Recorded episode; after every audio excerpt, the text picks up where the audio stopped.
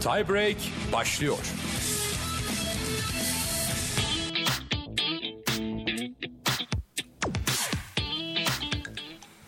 Evet efendim. Uzun zamandır yoktuk. Biri demiş öldü. Şimdi yazsınlar. Kral geri döndü. Merhabalar efendim nasılsınız?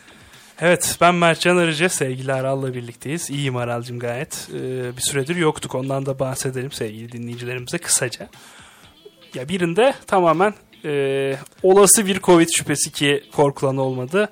E, bizi programı bir hafta yapmamaya itti. Sonrasında da e, bir yurt dışı, şey, düzeltiyorum şehir dışı e, gezimizden dolayı programımıza toplamda iki haftalık ara vermiş olduk. Bu iki haftalık arada tabii ki köprünün altından çok da sular aktı. Yani konuşmayı çok çok istediğimiz ama zaman aşımına uğramış olan bir Galatasaray-Barcelona eşleşmesi vardı. E, tabii ki konuşmayacağız artık. Hani üzerinden çok vakit geçtiği için e, zaten bolca program dinlemişsinizdir diye düşünüyorum bununla alakalı ama yani Galatasaray'ı bence tebrik etmek lazım. Bence yani, de buradan bir tebrik edelim. Galiptir bu yolda mağlup derler ya gerçekten bence öyle bir eşleşme oldu. Ya benim de bir Galatasaraylı olarak gerçekten e, bir bir hani bir birden iki bir olana kadar net bir şekilde tura inandığım bir eşleşme oldu. 2-1'den sonra hani Barcelona'yı az çok tanıyorduk. Uyutmaya çalıştılar, uyuttular bu konularda da iyiler. Yani bu konuda bir sistemim olacak. Günlük menüyü vermeden. Ya bilinçli taraftan çok değerli bir şey. Ya mesela bak İspanyol seyirciler de özellikle basketbolda mesela Real Madrid Robinson'ı falan düşündükçe biraz böyle tabiri caizse çirkeflik yapar. Ee, taraftarın da bazen bunu yapması da gerekir. Ama rakibin e, tur konusunda avantajlı olduğu ve oyunu soğutmaya çalıştığı bir anda taç kullanan oyuncuya yabancı madde atıp yani, ritim bulmuş Galatasaray'ı bitirmek bence Galatasaray taraftarına yakışmadı. Bunu daha önce farklı takımların taraftarlarından da gördük. Birçok örneği var. Bence e, biraz bilinçli olmak lazım. Bir bu konu bir de hani yine son dönemde yaşanmamış olsa da genel olarak hani bunu çok söylerim ben. E, maç içinde futbolcu ıslıklamayı da yani kendi takımının futbolcusundan bahsediyorum. Hiçbir zaman anlayamadım. Yani maç sonu tepki olur, futbolcuya tepki olmalıdır da bazen ama yani maç içinde takımı ve oyuncuyu düşürmenin mantığında hiçbir zaman anlayamadım. Bilinçli taraftar daima bence ülke futbolunu e, ileri götürecektir diyelim. Ve yani bu gündemi çok uzatmayacağım. Menümüzü verelim. E, tweetimizde yazmayı da unutmuşuz. Bu arada Twitter adresimiz tiebreakrb. Onu da sevgili dinleyicilerimize aktaralım.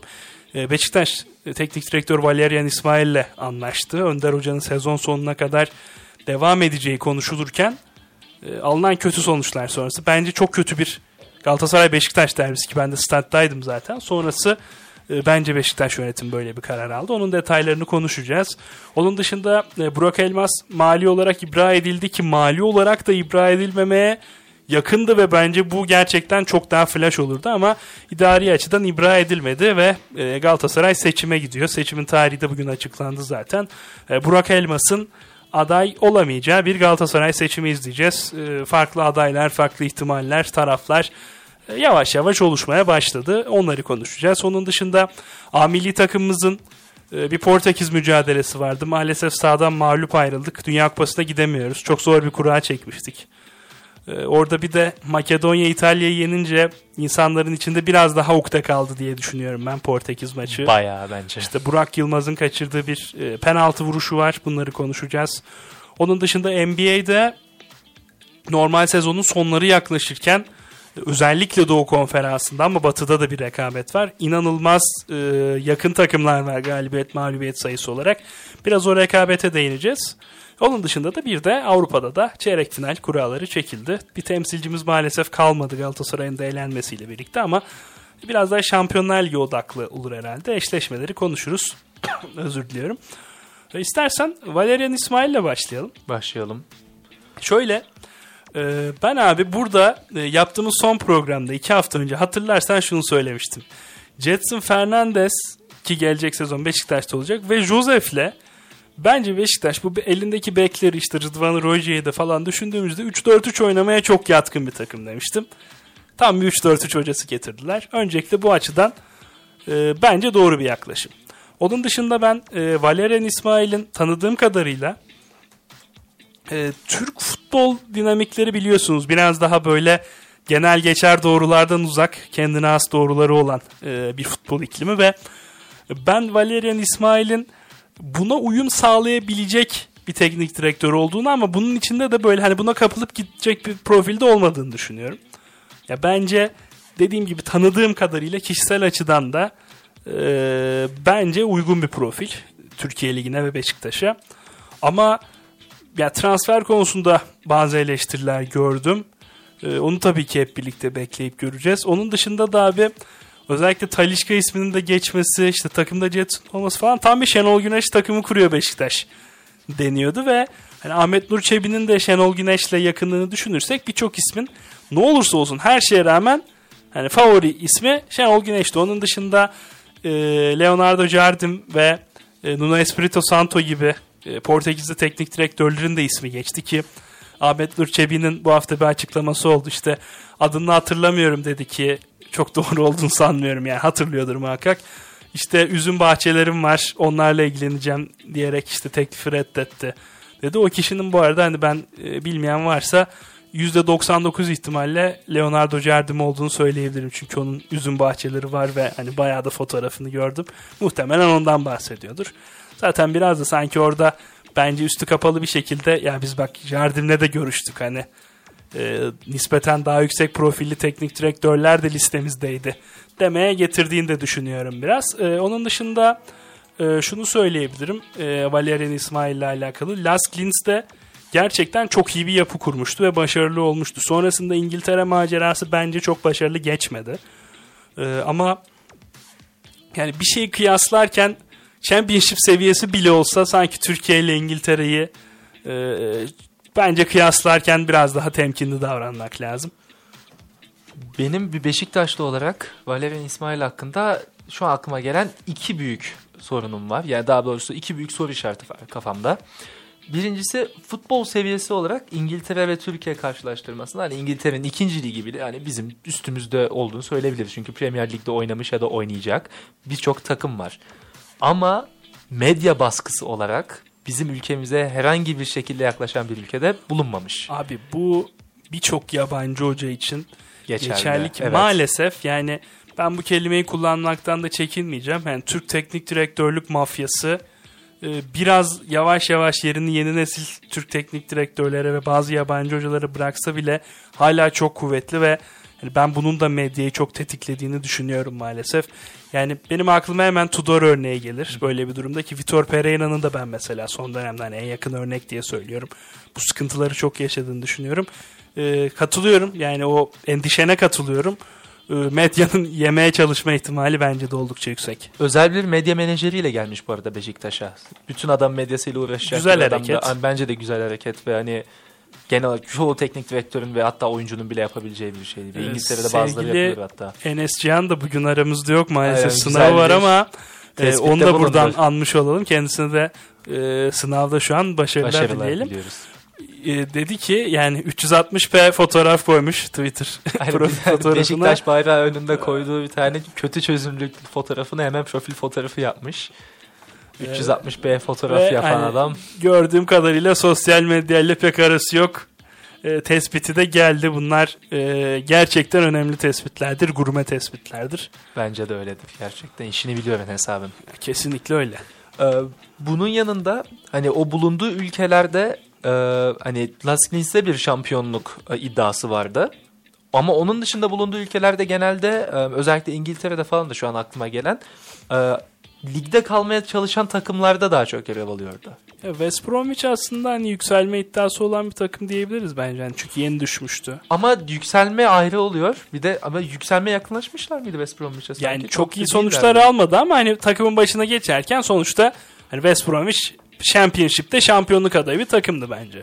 Öyledir ancak bir de Türkiye'nin büyük o üç büyük hatta dört büyük takımından da yani baktığımız zaman hani her sezon şampiyonluk bekliyorlar sizden. Yani ikincilik bile hani şey olmuyor. Bir de yabancılarda genelde şöyle bir e, yaklaşım var ya hani mesela atıyorum Beşiktaş Galatasaray'a Nef Arena'da maça gidiyor.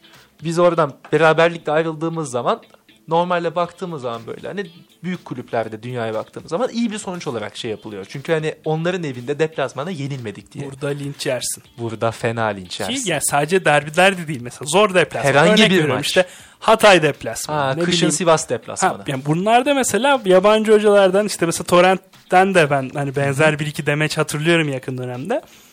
Ya işte hani beraberlik de bu noktada çok kötü bir sonuç değil açıklaması seni ne olursa olsun lince sürükler. Çünkü hani Türk futbol ikliminde e, dört büyük takım her maça 3 puan parolasıyla çıkmalıdır diye Evet. bir e, gerçek var. Yani doğruluğu bence tartışılır. Ben çok doğru olduğunu Bence de tartışılır da yani buradaki futbol iklimi böyle. Zaten hani bu da bahsettiğim genel o e, argüman hakkında. Hani buranın futbol iklimine alışık değil ve buraya benzer bir futbol ikliminde de bulunmadı. E, bu bir soru işareti. Onun dışında çok ağır antrenman yaptıran bir hoca olduğu söyleniliyor. Çok disiplinli. Zaten hemen işte sabah altı buçukta geldi aynen. hemen, hemen başladı başladı. zaten onlar da. Beş buçukta uyanmış da idmana geliyor da falan şeyleri. Bizde klasiktir işte, işte Yeni torrent kanunları antrenörler, işte evet. İsmail kanunları falan bunlar e, gerçekten alışık olduğumuz şeyler zaten. Ya bir yeni geldiğinde böyle haberler zaten çıkmaya başlar ama evet gördüğümüz kadarıyla bu konuda e, yani oldukça disiplinli bir teknik direktör gibi gözüküyor ki ya mesela Las Klins baktığınızda gerçekten mesela net bir sistem takımıydı.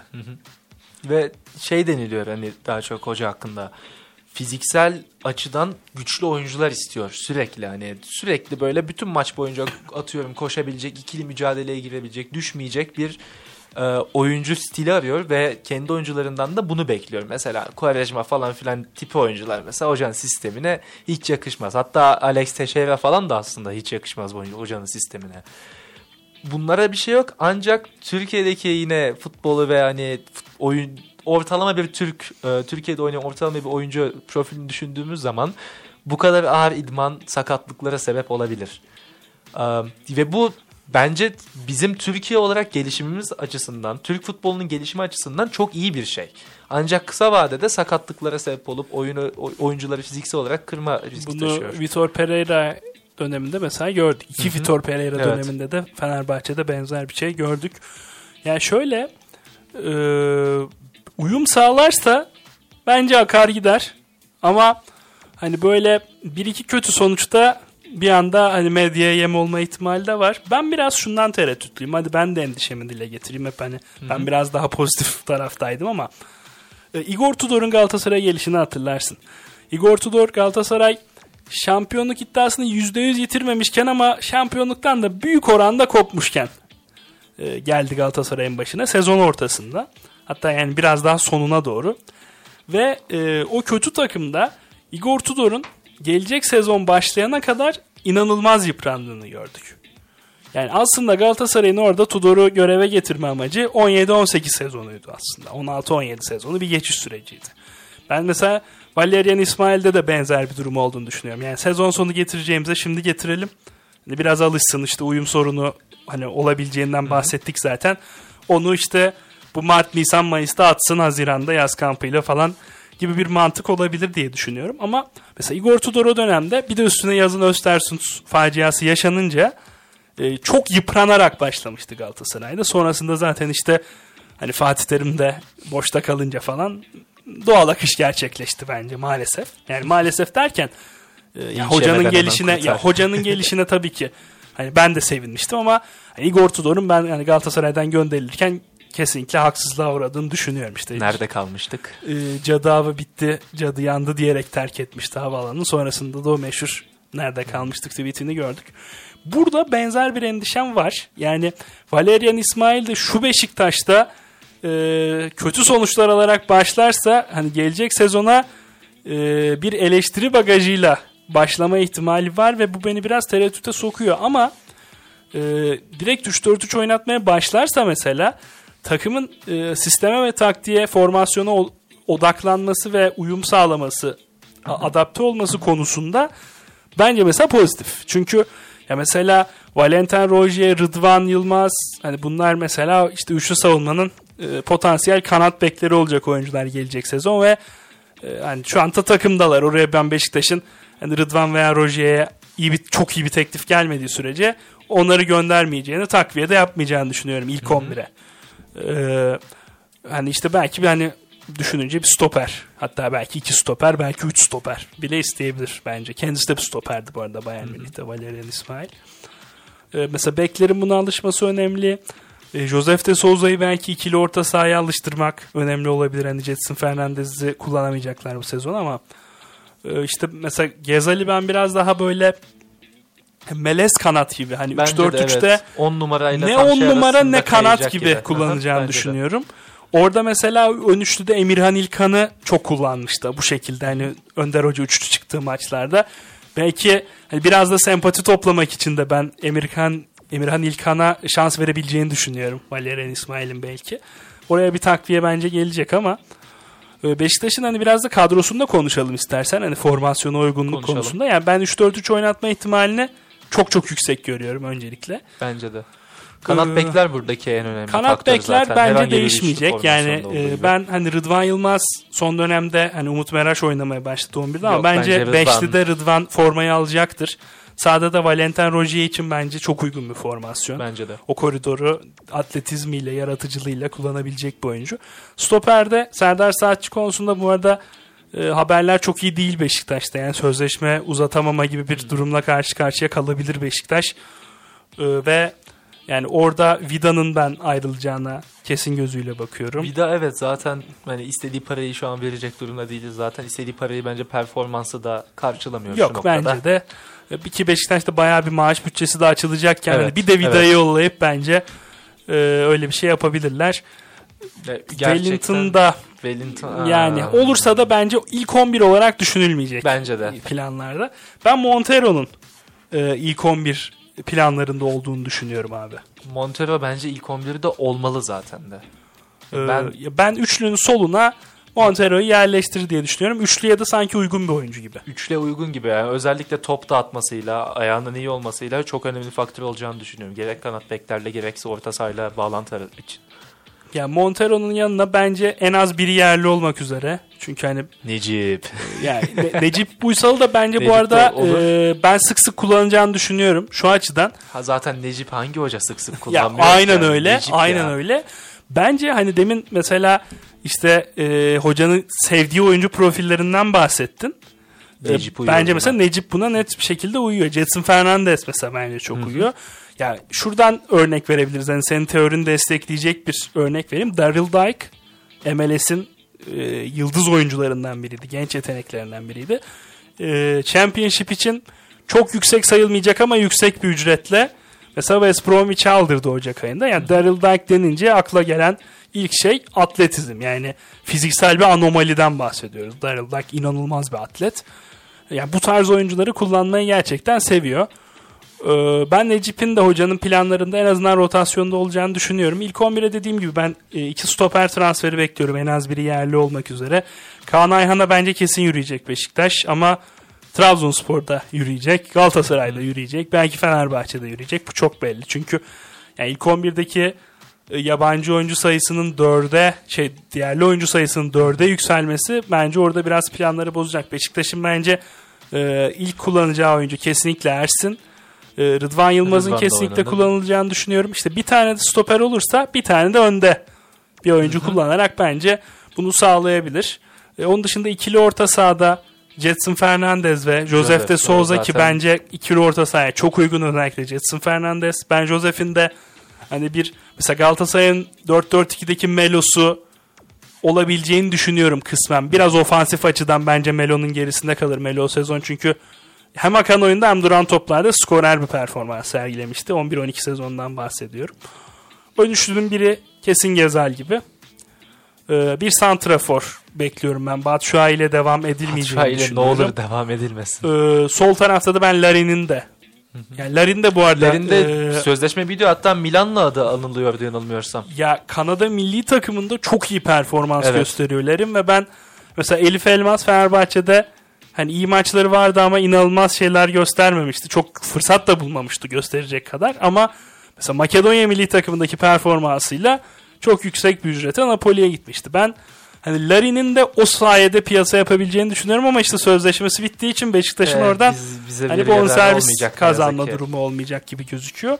E, Larin de bu arada bence e, Valerian İsmail'in tercih edeceği bir oyuncu tipi olabilirdi. Hani fiziksel özelliklerinin kuvvetini düşünürsek ama e, işte dediğim gibi yani Beşiktaş'ın ilk 11'inde ben 3 veya 4 transfer bekliyorum. Ben öne bir tane e, kaliteli yerli oyuncu bekliyorum abi. Öyle bir şeyim var. Aklında bir isim var mı öyle? Yani Bana da şu an gelmiyor. Ee, yerli bir kaliteli bir yerli oyuncu kesinlikle mesela çok iyi olur Doğukan da. Sinik olabilir. Hani ama ben Doğukan mesela doğrudan Beşiktaş 11'ine yazar mısın? Biraz tereddütlüyüm yani yazamayabilirim. E, mesela alternatif Burak için Yılmaz bize geri geliyor emekli olmak için. Ee, bu arada bence ihtimal dahilinde hani bir Türk Bence de. olarak e, onu seçmeleri. Burak Yılmaz bugün konuşacağımız kişilerden biri Aynen. olacak. Ya mesela Onur Bulut iyi bir performans sergiliyor bu sezon sağ bekte Kayseri Spor'da. Ben mesela Rojier'in alternatifi olarak eğer Kerem Kalafat'ı kullanmayı düşünmüyorsa hani Beşli'nin sağ için Onur Bulut'un e, bu sezon yaptığı çıkışın çok ideal olduğunu düşünüyorum. Yani dört büyüklerde forma giymeye. Yerli bir stoper hani Montero olacağı için belki hani Abdülkerim Bardakçı'ya çünkü yüksek bir talebi var Konyaspor'un. Hani 6 milyon euroyu falan verirler mi bilmiyorum. Gerçi biraz da pazarlık payı olur onda ama yani Abdülkerim Bardakçı, Samet Akaydın, Tayyip Talha Sanuç gibi oyuncuların bence Beşiktaş'ta adı anılacak yaz döneminde. Çünkü oraya bir net yerli stoper bence yani Beşiktaş'ın birinci ihtiyacı olabilir. Bu yerli sıkıntıları gerçekten Neyse oraya yine girmeyelim Yani de. biz- bu sezon başladık zaten saymaya. Başladık Gelecek zaten, sezon 4 evet. olunca daha da radikal Ondan sonraki olacak. sezon için bir bilgimiz var mı? Beşe Sonra da çıkacak beşe mı? Değil mi? çıkacak, Çıkıyor, değil mi? Kaça kadar çıkacaktı bunlar? 5'e kadar çıkacak Beşe kadar, değil galiba. Ee, ama şey yabancı sayısı to- toplamı da düşüyor. bu Evet, evet, Onda evet, evet, 12'ye evet. düşecek, 10'a düşecek kademeli olarak. Tabii Türkiye'de yarının garantisi yok. Evet doğru. Ee, bu konularda daha önce Türkiye Futbol Federasyonu'nun çok istikrarsız kararlarını gördük ki Önder Özen bu konuda en çok şikayetlenen kişilerden biridir. Ee, diyelim e, Valerian İsmail kısmını noktalayalım istersen. Not, nokta alayalım. Burada da bir ara verelim. Ee, aranın ardından e, Galatasaray seçim gündemi ve milli takımla istersen yayınımıza devam edelim.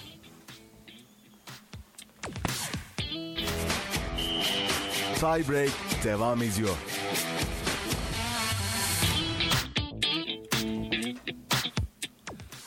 Evet efendim kaldığımız yerden devam ediyoruz. Valerian İsmail'i konuşmuştuk. Biraz da Galatasaray diyelim istersen sevgili Aral. Galatasaray'da e, bir genel kurulu oldu ve e, herkes merakla bekliyordu. Sayın Burak Elmas ibra edilecek mi edilmeyecek mi? Bayağı eleştiriler oldu. E, çok ağır konuşanlar oldu. Daha böyle iğneliye iğneliye daha hafif alttan alttan laf çakanlar oldu diyelim. Ee, ama bu yani Galatasaray'da doğal olarak e, Galatasaray yönetiminden bir memnuniyetsizlik var ki yani bunu bence Türkiye'de en net gördüğümüz kulüpte Galatasaray'dır. İşler kötü gitmeye başladığı anda e, kaos, reaksiyon ve Galatasaray bir noktada kendini normal ortalama bir ta- takımın toparlayabileceğinden çok daha hızlı bir şekilde toparlar. Galatasaray'da bu yakın tarihte en azından benim gözlemlediğim hep böyle olmuştur. Yine Galatasaray o reaksiyonu verdi. Burak Elmas mali açıdan ibra edilse de ki orada da hani çok yüksek bir fark da yoktu. Mali ibrasızlıkla çıkabilirdi ki e, yani Galatasaray'da alışık olmadığımız bir durum bu. E, Çok şaşırırdım ben. Ama idari açıdan da ben ibra edilmemesini bekliyordum. E, Beklediğim de oldu. Galatasaray seçime gidiyor. Seçim tarihi de açıklandı diye söylemiştik. 30 Nisan 2022 tarihinde yani aşağı yukarı bir ay sonra Galatasaray'da seçim gerçekleşecek. Ee, ilk adaylığını açıklayan yani adaylığını açıklayan ilk isim Metin Öztürk oldu. Zaten e, bu yaz Galatasaray'da Haziran'da gerçekleşen seçimde de adaylardan biriydi. Sevgili Metin Öztürk, Sayın Metin Öztürk. Ee, onun dışında Ünal Aysal aday olur mu gibi dedikodular vardı ama e, ben Ünal Aysal'ın aday olacağını çok fazla düşünmüyorum. Ee, yine Galatasaray'ın eski başkanlarından e, Sayın Dursun Özbek adaylığa yakın isimlerden biri olarak görülüyor. Ee, Ahmet Yüce Ocaklı Galatasaray'da çok çok kritik bir isim ve e, Ahmet Yüce Ocaklı'nın elini taşın altına sokacağı belki listede olabileceği söyleniyor ki yani e, onun Dursun Özbek'in listesinde olması gerçekten bence e, kartları yeniden dağıttıran bir e, gelişme olabilir. Ki yani Ahmet Yüce Ocaklı varsa Fatih Terim de vardır işin içinde. Hani bunu da net bir şekilde anlayabiliriz diye düşünüyorum ben. Ya Dursun Özbek, Fatih Terim e, koalisyonu kurulacak gibi gözüküyor aslında ama tabii ki daha belli olmaz. Ya Fatih Terim'in de sonuçta başkan adayı olabileceğini düşünenler vardı. Ee, onun dışında işte Işın Çelebi, Adnan Polat, Yiğit Şardan gibi e, potansiyel adaylar da var Galatasaray'da. Ya bunların sayısı işte yazın da zaten 5 hani adaylı bir seçim görmüştük. Ee, yine en azından ismi geçen kişi sayısı e, hiç de az değil. Yani işte Abdurrahim Albayrak başkan olabilir diyenler var. Onun dışında işte geçen seçimden Eşref Amamcıoğlu zaten ucu ucuna kaybetmişti. Yeniden aday olmasını bekliyorum ben. Ya ben açıkçası hani Yiğit Şardan ve Adnan Polat'tan e, ikisinin birden aday olacağını düşünmüyorum. Birinin aday olacağını düşünüyorum. Yani bir, bir aday o taraftan bir aday Metin Öztürk bir aday Eşref Amamcıoğlu e, bir aday da Dursun Özbek. Yani böyle dört adaylı falan bir seçim bekliyorum ben Galatasaray'da. E, tabii ki yeni seçilecek başkanı da zorlu bir süreç bekliyor Galatasaray. Şu an ligde 15. durumda ve yazın hani bir yapılanma geçen yaz yapılmıştı sözde 3 yıllık bir projeydi ama ya bu yaz bence daha radikal bir yapılanma Galatasaray bekliyor. Çünkü e, Galatasaray'ın satacağı oyunculardan iyi bir sıcak para girişi de olacak tahmin edilen en azından bu. Dolayısıyla o paranın nasıl ve ne şekilde harcanacağı bence e, Galatasaray'da transferde belirleyici olacak. Yani bundan sonrasını e, uzun yılları etkileyecek bir yaz transfer döneminin ben Galatasaray'ı beklediğini düşünüyorum. E, Burak Başkan'a da yani bir anlamda hani merhamet duydum, üzüldüm ama hani bence Burak Elmas da e, yani kişisel perspektifimde e, ibrasızlığı da hak etti diye düşünüyorum ben açıkçası. Çünkü yani Galatasaray'da gerçekten hem verilen sözler, vaatler yerine getirilmedi. E, hem işte Fatih Terim'le e, dereye geçerken yolların ayrılması gerçekten Burak Elmas e, konusunda herkesin tepki göstermesine sebep olmuştu ki yani Işıtan Gün'ün sevgili Işıtan Gün'ün de oldukça tepki çeken davranışları oldu. İşte Twitter'da da bazı eski e, tweetlerinin ortaya çıkması da e, biraz zora soktu Galatasaray yönetimini. Işıtan Gün'ün de ihracının istenebileceği konuşuluyor. Galatasaray'da e, durum bu şekildeydi diyelim. Geçelim milli takıma. Milli takıma geçelim. Bir hayal kırıklığı daha. Yani o ne kadar hayal kırık hayal kurduğumuza bağlı bence. Yani umutlandırıp ondan sonra şey yaptılar Evet diyelim. biraz o yüzden yani ben utandırma oldu doğru. ben maç başlamadan önce 4 yiyeceğimizi düşünüyordum açıkçası. Ya benim de çok umudum yoktu. Yani şöyle Portekiz bence süper bir durumda değildi bu arada ama hani çok iyi bir takım ama çok eksiği de vardı Portekiz'in. Onu da söylemek lazım. Ee, öncelikle Stefan Kuntz'un üçlü savunma tercihiyle başlayalım istersen. Başlayalım. Yani e, şöyle bir e, şey söylediği konuşuluyor Stefan Kuntz'un oyunculara. Portekiz üçlü savunmalara karşı çok zorlanan bir takım. Ve hani milli takımın da elindeki şu an stoper olduğunu da düşünürsek ki üçlü oynamaya da çok uygun oyuncular var bence. Ee, bir üçlü tercihi geldi. Bunu eleştirenler oldu. Ben e, kesinlikle doğru bir tercih olduğunu düşünüyorum. Ozan Merih Çağlar üçlüsünün de ben bu arada özellikle Ozan Kabak bence müthiş bir maç çıkardı ki maç öncesi muhtemel 11'lerde de bu arada Ozan yerine hani başka isimler yazılıyordu. İşte Serdar Aziz yazıldı. Mert Müldürbek de oynayacak. Zeki Üçlü'nün sağ stoperinde oynayacak diyenler vardı. Ama e, Ozan Kabak 11'de başladı. Bence de milli takımımızın en iyi oyuncusuydu. E, onu kesinlikle söyleyebilirim. Ozan Kabak bence de çok iyi performans sergiledi. Ya bir iki heyecanlı hatası vardı. Bir tane büyük hatası vardı da hepsini telafi etti. Ben farkı önleyen isimlerden biri olduğunu düşünüyorum. Kesinlikle bence 6 yiyebilirdik rahat bir şekilde. Yani hani bir noktada maç bizim ayağımıza geldi aslında ama ya ben milli takımın maç genelinde çok kötü bir performansının olduğunu düşünüyorum açıkçası. Yani bence hani maçın bize gelmesini de hak etmiş de değildik. Ee, onu da bence söylemek lazım. Zaten e, çok kötü bir başlangıcın ardından işte 15. dakikada gol geldi. Sonra ilk yarının sonuna doğru 2-0 oldu ki bence e, ikinci gol Jota'nın golü daha kırıcı bir gol oldu. Yani 1-0'dan sonra mesela benim biraz daha umudum vardı. Bu arada bomboş bir kafa vurdu orada. Yani, 300 savunmadayız ve Portekiz'in sık sık hani set hücumunda yaptığı bir şey. Aynen ortaya Jota'nın orada o kafası. Sürekli oradan gol atıyorlar. Zaten bir tane pozisyon da Hani Jota bildiğin kesinlikle atması gereken pozisyonu kaçırdı. Hani uyarıp da hani geldiler yine aynı şekilde. Ya kaçırdılar bu arada. Çok da kaçırdılar. Çok kaçırdılar. Çok, Onu çok söylemek kaçırdılar. lazım. Ya bizim en büyük sıkıntımız e, bence maç genelinde Euro 2020'de ne yaşadıysak sanki onu yaşadık. Üçlü bir savunma hattına rağmen e, yani üçlü savunma aslında hani orada bir oyuncu fazla kullandığınız için topla çıkışı kolaylaştırması beklenen bir şeydir ama biz yine topla çıkışlarda çok zorlandık.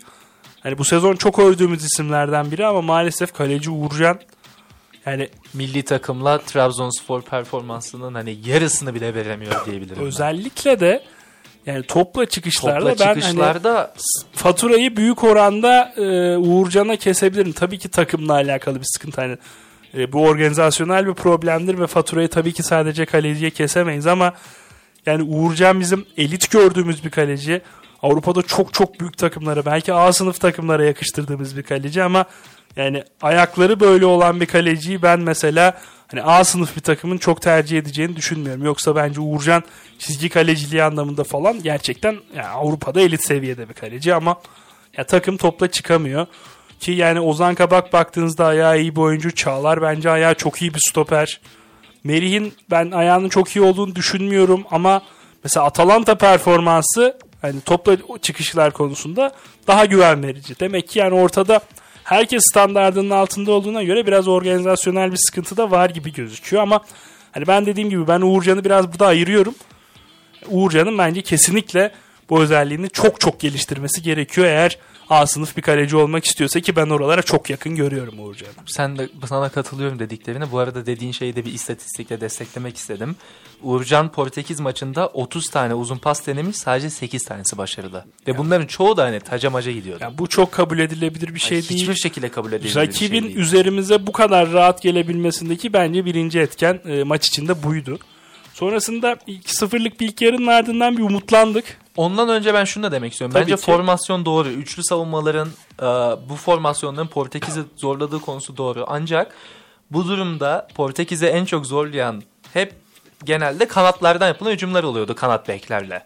Ve burada ben Euro 2020'de yanlış hatırlamıyorsam Gosens çok zorluyordu hep Portekiz'e. Sen yani bence e, o Almanya Portekiz maçı hani Gosens performansı bir kanat bek ya da bir bek oyuncusu diye genelleyeyim. Bir maçı en fazla o kadar etki edebilir.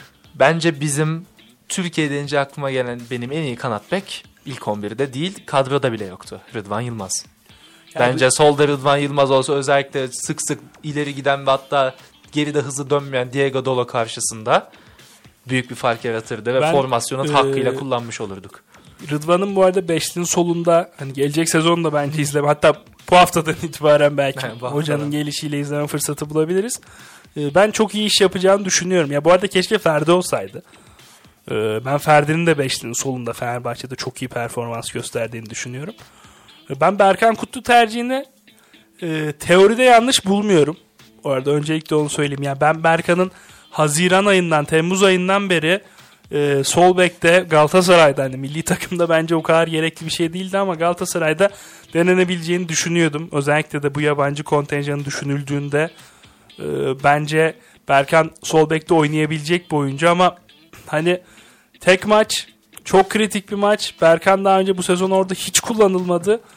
Bunları düşündüğümüzde ben dediğim gibi bak teorikte Berkan'ı sol bekte ya da sol kanat bekte kullanmayı denemek bana çok mantıklı geliyor. Ben hoca olsam ben de denerdim. Ama ya bunu denemenin zamanı Portekiz maçı mıydı? Yani ilk kez kariyerinde belki de hani en azından profesyonel seviyede bizim gördüğümüz ilk defa orada oynayacak bir oyuncu.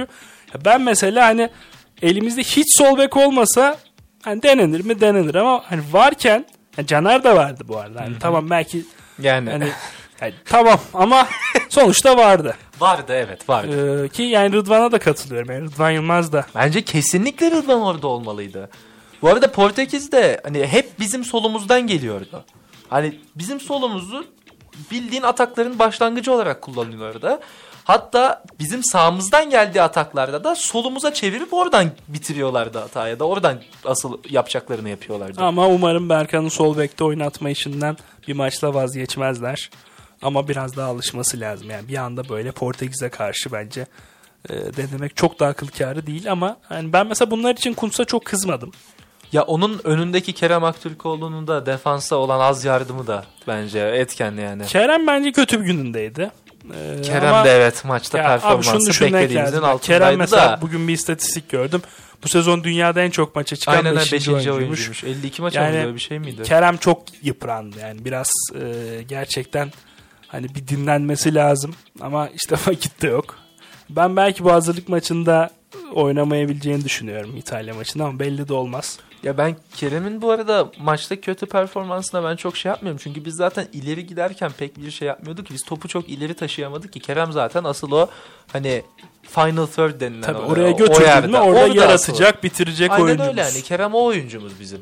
Ve biz topu oraya bir türlü götüremiyorduk. Hani burada işte elinden Uğurcan faktörüne de oradan geri dönüyoruz. Ya sadece, Sadece Uğurcan da Uğurcan bu değil, arada. ama en arkadan oyunu kuracak olan o olduğu için yani daha biz o ilk pası atamıyorduk. Peki penaltıya gelmeden bir de orta saha ikilisini sorayım sana. Çok formda bir Orkun Kökçü var. Hı hı. Ee, Ben milli takım 11'ine yerleşeceğini de düşünüyorum Orkun Kökçü'nün kesinlikle.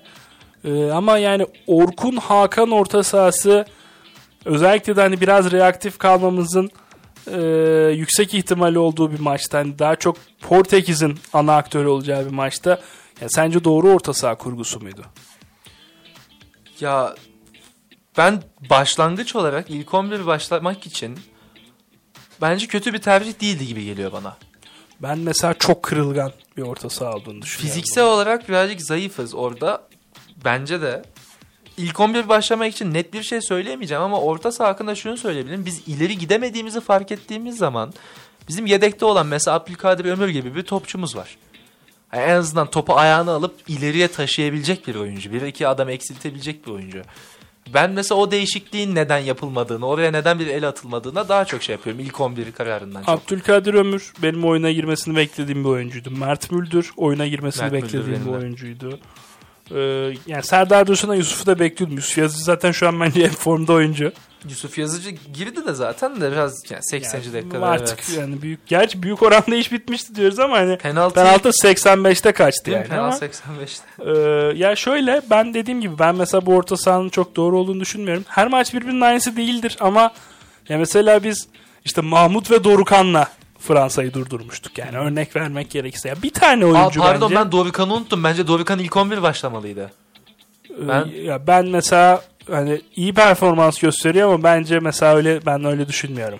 Ben ya Dorukan'ın ben iyi olacağını düşünüyordum oraya. Ya ben özellikle şeyi gördüğümüz zaman e, Trabzonspor'da Hamişik abisinin öğrendiği pasları falan bazen atıyor ya öyle Ya. Dorukan çok O iyi bir sezon geçiriyor. iyi bir sezon geçiriyor. Ben yani ama benim dediğim gibi yani şu eleştirilerim ilk 11 seçiminden çok hani orta sahaya yapılabilecek müdahaleler konusunda benim daha çok. Abdülkadir Ömür'le Yani bir, Dorukan bir süre mesela alması farklı şekillerde bence, bence bence de. Mutlaka. Ya ben topu ileriye taşıyamadığımızı gördüğümüz anda orta sahamızın düştüğü zaten hiçbir zaman yüksek değildi de maçın hiçbir noktasında diye yani tam öyle uzun bir süre yüksek olduğunu ben hatırlamıyorum. Peki yani. Enes Burak arasında Burak Yılmaz'ın tercih edilmesi konusunda ne düşünüyorsun? Ya kral birazcık da ilk 11 açısından mı diyorsun Aha. orada? Ya milli takımda bizim bence bir sıkıntı var o açısından. O abicilik sıkıntısı diye geçiyor galiba sosyal mecralarda şu noktada. Ya Burak Yılmaz'ın olduğu bir takımda bilmiyorum ben şu an yani Messi Türk olsaydı yine Burak Yılmaz başlardı gibi hissediyorum İkisi birlikte orada. başlarlardı ya. Ha yani ama Burak orada olurdu yani Real Madrid Benzema olayı gibi. E yani, Olmamalı mı peki sence? Ya Burak Yılmaz'ı ben bir oyuncu olarak o kadar beğenmiyorum. Ee, bir golcülüğü var ama bence bize kattığından daha çok şey eksilttiğini düşünüyorum. Özellikle ilerleyen yaşında. Bu maçta da hani Cengiz'in üst düzey bir oyun kurmasıyla birlikte. Orada solda kiminle Hakan'la mı paslaştı? Çok güzel bir goldü bu arada. Çok güzel bir gol. Cengiz'in Cengiz bence bizim takım bu arada ikinci en iyi oyuncusu diyebilirim yani. Bence Hatta de bence de. ya Ozan'dan daha iyi bile olabilirdi eğer top ya biz, Ben ben biz en top- çok Ozan'ı Top beğendim. bizim ayağımızda daha sık olsaydı bence net Cengiz olurdu da hani Ozan sürekli kritik müdahaleler yapmak zorunda kalmıştı. Ondan bence de Ozan derim de. Hani golde de bence Burak'tan çok Cengiz'in çok payı var. Bence de ama Burak'ın da bence var. Burak da atıyor Ee, yani. Bunları Cengiz. Ünder bence bize şunu gösterdi. Cengiz sakatlığı sebebiyle çok maç kaçıran bir oyuncu. Ya bu takıma Cengiz Ünder lazım. Her zaman lazım. Cengiz Ünder çok iyi bir yetenek. Ya sanki kanatlar milli takımda bence hani oturdu gibi Cengiz Kerem Oturdu bundan gibi sonra. evet ama Kerem birazcık fiziklenmeli. Ya Kerem e, Birazcık da değil. Barcelona maçını burada konuşamadık. Hani Evet. yayın olmadığı hafta. Kerem bayağı hırpaladılar, dövdüler yani. Evet. Ee, biraz yani şöyle Kerem hani şu haliyle bile bence çok üst düzey bir oyuncu ama Kerem hayal ettiği yerlerde kalıcı olabilmek istiyorsa yani oraya götürür bak. Yani şu performans oraya götürür ama Fiziği orada kalıcı olmak istiyorsa gerçekten biraz yani mesela orada mesela Barcelona maçında e, işte Des'ten Arao'dan işte stoperlerden o dayağı yemeyecek. Bence e, Kerem'in yoksa 3. bölgedeki yaratıcılığı konusunda falan yani konuşmaya gerek yok. Bu sezonun en özel oyuncusu bence. E, onun dışında ya Burak Yılmaz konusuna gelecek olursak abi Enes çok formda. La Liga'da işte gol krallığında ikinci sıraya yerleşmişti son. Evet evet. Ee, Yani ki hatta hani şunu herhalde söylesek çok abes olmaz. Hani Enes bu sezon Hetafe'yi e, kümede tuttu. Yani Hetafe güme gidebilirdi. Tutuyor evet tabii kesinlikle. Ee, onu kesinlikle söyleyebiliriz.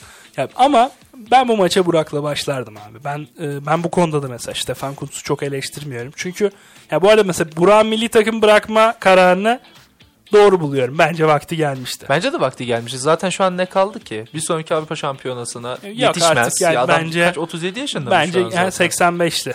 37 Aha. yaşında. Yani zaten hani bir şey kalmadı ki. Ya bence doğru bir karardı. Ee, Ben Burak Yılmaz'ın milli takım bırakmasının hiç yanlış olduğunu düşünmüyorum. Vakti gelmişti. Bazıları için hani geç bile kaldı da denebilir. Bence değildi. Ee, Ben hani Burak Yılmaz'ın bu milli takımın hala bir parçası olabilecek nitelikte olduğunu düşünüyordum. Ee, Dünya Kupası'na gidebilsek yine kadroda da olacaktı. Bence ilk 11 çıkma ihtimali de vardı ama kesin değildi.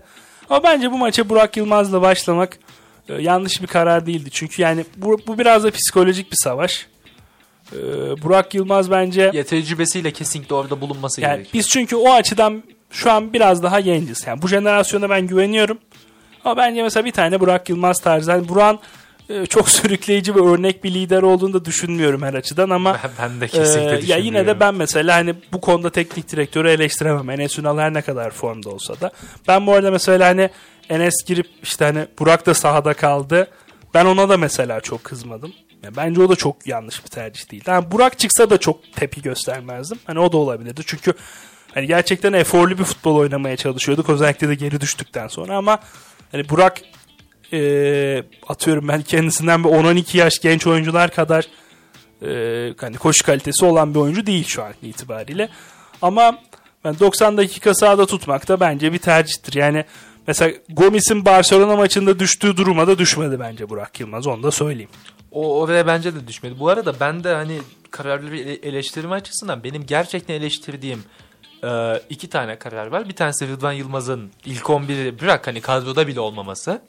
İkincisi de orta sahaya falan hani belirli değişiklikleri yapmaması. Bence Burak'la başlaması yanlış değildi. Hani çok Peki, bir penaltıya yok gelelim. ama penaltıya gelelim. Her şeyden önce orada Enes'in çok karizma, Çok karizma, bir hareket- evet hareketi ya, var evet. gerçekten yani. Çok, çok ayrı bir hareket yani topu dışarı atın penaltı olduğunu biliyorum değil sonra da bir de üzerine almak. Ya ben yanılmıyorsam televizyonda öyle görmedim de Enes topu eline aldıktan sonra bırak sanki gelip ondan topu elinden alıyormuş gibi bir duyum almıştım. Abi şimdi bu takımın penaltısı kim? Burak. Burak Yani o. bence Evet. konuşacak bir şey yok bunun üzerine. Burak penaltıyı Bu kaçırdı. noktada bence de yani kaçabilir ki ben kötü de penaltı değildi. Ben kaçan her penaltı kötüdür şimdi bir nebze. öyle öyle. Bu arada bence kötü penaltıydı ama şöyle birincisi Garantiye gitti. Çok garantiye 17'de gitti. 17 penaltı atmış bir Burak Yılmaz var. Ee, bu takımın penaltıcısı Burak Yılmaz. İşte Letonya maçında yani çok kritik bir anda yani penaltı golü geldi. İşte o sayede bu maça çıkabildik. Ee, bunları göz önünde bulundurduğumuzda bak penaltıyı kaçırdığı için tabii ki kızdım da üzüldüm de doğal olarak abi yani biz Tüm Türkiye. Bir futbol severiz Tüh be dedik. ya tüh be'den fazlasını da dedik tabii ki ama ya yapacak bir şey yok abi. Ya şöyle olsaydı Futbol abi kaçabilir. ben penaltı. mesela kızardım. Atıyorum. Takımın penaltısı X. İşte mesela. Ha, sallıyorum. Enes kaçırsaydı Ha, mesela. mesela Enes gelse Burak ya da Yılmaz'dan topu Mustafa alsa. Muhammed Ha, kaçırsaydı işte mesela. aynı- aynı olay işte. Yani- alıp. Aynı aynı olay mesela. O zaman çok kızardım. Çünkü yani o kabul edilebilir bir şey değil.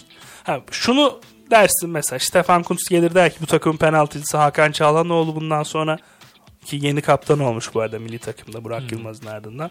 Hakan Çağlanoğlu bu takımın penaltısı. O da kullanıyor Inter'de penaltı. dese ona rağmen Burak gitse topu alsa vursa o zaman mesela tepkimin boyutları benim çok farklı olurdu. Ama öyle bir durum gördüğümüz ve bildiğimiz kadarıyla yok. Penaltıdır kaçar noktasına geliyor bu noktada. Her ne kadar biz kızsak da üzülsek de. Ee, ama hani ben şu konuda normalde daha optimist biriyimdir ama hani o maç orada o penaltı ile 2-2 olsa da tabii ki belli Yenilirdik, olmaz yenilirdik. ama ben eleneceğimizi düşünüyorum yine de. Bence de elenirdik ya. Ya bence elenmemiz ya eleneceğimiz her türlü göstereceğin şey şuydu bence. Ama en azından içimizde ukde kalmazdı. yani. Klasik Türk olayı ya. Biz gerçekten umutlandık. Ve daha da kötü olan şey Makedonya'nın Evet. Yani Kuzey Makedonya'nın İtalya'ya gelmesi ve lazım. Yani golü gördün mü bu arada? gördüm abi. Donnarumma Yani hakkında. Donnarumma zaten bence biraz sıkıntıda Donnarumma. Bence Benzema'nın dokunduğu hiçbir kaleci Doğru. düzelemiyor. Adamda ölüm Doğru. dokunuşu var gerçekten. Yani e, bu arada yani Kuzey Makedonya'nın yaptığı işte inanılmaz, bir iş inanılmaz gerçekten. bir iş. Ya o Portekiz İtalya maçını ben bu arada İzlemek hani özellikle biz elendikten sonra bayağı bir izlemek istiyordum. O açıdan kötü oldu. İtalya ile biz hazırlık maçı oynayacağız şimdi. Ee, belki de biz İtalya ile finali oynayabilirdik tabii o da bir ihtimalde. O da bir ihtimal. Ki İtalya'ya da yenilirdik diye düşünüyorum. Şöyle Ama e, şey tam bir Türkiye hareketi olurdu bence. Yani Portekiz'i eleyip oradan Makedonya gelince bu arada sevinç Makedonya'yı eşliğinde Makedonya'ya Makedonya'yı sence yener miydik? Ya şansımız bence vardı. Bence Bence bence yenemezdik bence ya. ortada bir eşleşmeydi. Ben bence bence hafif küçümseyeceğimiz için kesin O büyük yenemezdik. bir hata olurdu. Çok Çünkü büyük yani hata küçümsenecek bir takım değil. Çok dirençli bir takım Çok Kuzey dirençliler. Makedonya. Ee, ama yani bi- biz de hani kendimizi de hafife almayalım, rakibi de küçümsemeyelim. Bence başa baş bir eşleşme olabilirdi. Olmadı. Ee, biz zaten abi yani bence o Portekiz-İtalya rutunu e, kurada e, denk getirdikten sonra düşük Ee, bir ihtimalle. zaten. Ya benim oradan sonra çok umudum yoktu işin açıkçası. Ya bu takım 2022'yi görmeyi hak ediyor mu dersen e, aslında grubun başında gösterdiği performansla hak ediyordu ama ya bizim şu an Dünya Euro Kupası'na 2020 performansına bakınca da hak o etmiyordu. tabii ki o en kötü takım. Yani, yani turnuvanın en kötü Ee, takımıydı. bence Türkiye bu Dünya Kupası'na hani Portekiz maçıyla değil e, bu işte Şenol Güneş'in gitmeden önceki dönemi hani Hollanda farklı mağlubiyeti Hmm, işte evet. iki farktan verdiğimiz yani berabere kaldığımız Karadağ maçı yine takımın çok iyi olduğu bir dönemde iki farklı galibiyetten yine iki puan bıraktığımız Letonya maçı bence biz buralarda verdik. Yani yoksa hani Hollanda ve Norveç galibiyetleriyle başlayan bir serüvenin zaten bence hakkı playoff değildi. Bence de playoff değildi. Ee, ama olmadı. Ee, ya bu takımın önünde daha yıllar var ama hani şunu da görüyoruz. Ya bu Türkiye bir türlü Dünya Kupalarına katılamıyor abi. Yani 2002'den sonraki 2002'den öncesi de zaten 2002 uzun bir süre de boşluktu. ki, evet. Ee, sonrası da yok. Yani en erken 2026 var yine. Hani bu jenerasyonun da bu arada hani prime zamanları falan olacak aslında. Ee, yani 2026 Dünya öyle Kupası. olacak. Ee, ama Kerem'in, şu anda hani Euro Ozan Kabak. 2024'e odaklanmak lazım. Ee, bu takımı bir şampiyonat takımına e, dönüştürebileceğimize inanıyorum ben. Ee, bunda umudum var. Bence iyi bir jenerasyon yakaladık. Stefan Kuntz konusunda da eleştirdiğim çok nokta var ama hani biraz fazla üzerine gelindiğini düşünüyorum. Bence mesela hani bu Portekiz eşleşmesi özelinde çok fahiş hataları olduğunu düşünmüyorum. Bu jenerasyon hani Kuntz'a mı emanet edilmeli? O konuda ben hani e, ne rüştünü ispatladığını düşünüyorum. Ne de aksi bir şekilde yani yok ya bu adama bu jenerasyon emanet edilmez Sergen de hocam. dedirtmedi. Ya ben mesela hani e, Sergen Yalçın'ı milli takımda normalde görmek isterim. Ama mesela bu jenerasyonu ben jenerasyonu- mesela Sergen Yalçın'la çalışmasını istemezdim. Sergen Yalçın'ı da bu arada kutluyorum. Ee, Survivor birleşme maçında gerçekten çok iyi bir performansı var. Şey bir gol iki asist galiba. mi? Çok Öyle güzel bir ben ortası var ayak dışıyla sevgili İrem Kanan'a. Ee, İşte hayatta böyle abi yani 3 ay önce Beşiktaş teknik direktörsün. Ondan Ee, sonra, sonra Dominik'se. işte Survivor'da Yasin Ardahan forvet ikilisini durdurmaya çalışıyorsun. Valla büyük hoca, büyük hoca. Şey diyecektim bu arada. NBA maçına da gitmiş bu arada. Aa, evet evet gördüm. Hemen paylaşıyorlardı hoca kesin bahis oynamıştır maçta diye. Şey diyecektim.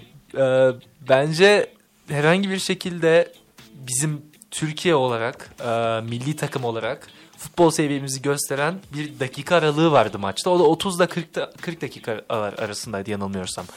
O 10 dakika boyunca Portekiz'e inanılmaz bir baskı kurduk gerçekten. Hani inanılmaz bir baskı değil ama kendi standartımız aç- açısından bayağı inanılmazdı. Adam akıllı baskı kurduk. Pozisyonlar yakalamaya çalıştık. Paslar araya attık. Danilo'ya özellikle çok fazla hata yaptırttık. Sonra herkes kesildi. Kondisyon bitti. Eller dizlere gitti. Bel bellere gitti. Ya ne yazık ki biz buyuz. Biz o fiziksel üstünlüğü, fizik, üstünlüğü bırakalım. Fiziksel olarak yakın bir seviyeye çıkamadığımız sürece rakiplerimizle hani Avrupa Şampiyonası'dır, Dünya Kupası'dır hiçbir şey göremeyiz biz. Ve hani şu an bu jenerasyon elinde bu fiziksel kapasiteyi Türk olarak yükseltmek, bütün bu Türk futbolunda da aynı zamanda örnek olacak ki bunlar. Bizim bütün futbol ikliminde böyle oyuncular yer alacak ve bütün kondisyonları ve Türk futbolu olarak seviyemiz yükselecek. Çünkü diğer türlü yarışmamız imkansız. Burada bir konuda umudumu bir konuda da umutsuzluğumu ifade edeyim. Ee, şu konuda bir umutsuzluğum var. Ben Türkiye'de kısa ve orta vadede bu açıdan çok gelişim sağlayabileceğimizi düşünmüyorum. Çünkü çok köklü değişiklikler Ben de. gerekiyor. Şu açıdan da kısa vadede milli takım için umutluyum. Ee, takımın omurgası, çekirdeği biraz daha yurt dışında forma giyen oyunculardan kurulu olduğu için Kaç tanesi şu an Türkiye'de Ee, oynuyor bizim milli takımda? yani- Uğurcan, Kerem. stoperlerin hiçbiri yok. Ee, o kadar şu an Zeki Çelik Portekiz maçında 11 yok, başlayan. Berkan Kutlu. Portekiz maçında 11 başlayan. İşte Berkan, Uğurcan. Kerem, Uğurcan sanki. Aynen, Berkan, Ar- Kerem, Arkan, Uğurcan. Orkun onlar yok. Cengiz Ee, yok. Cengiz, Kerem, Ozan, aynen, tamam. şey aynen, evet, evet, öyle. evet, aynen öyle. 3 tane yabancı kuralı, Ya 3 işte yani yerli hani kuralı kullanmışlar. Süre alan hani işte Serdar Dursun da mesela şu an Türkiye'de ama Ya daha bir sezon öncesi normalde Almanya'da. aynen işte yani Dorukan belki hani olabilir. Ee, Evet yani bu hani bu da bana O güven da, o da veriyor. e, milli geleceğe umutla bakmamı sağlıyor diyebilirim. Evet Umutlandırıyor Şampiyonlar Ligi eşleşmeleri. Hemen açalım onu da. En ilgi çekici eşleşmeyle başlayalım istersen. Başlayalım. Ee, Manchester City, City, Atletico, Atletico Madrid. Madrid. Aynen öyle. Düşüncen ne? Yani öncelikle e, Atletico Madrid hani United'ı eleyerek geldi.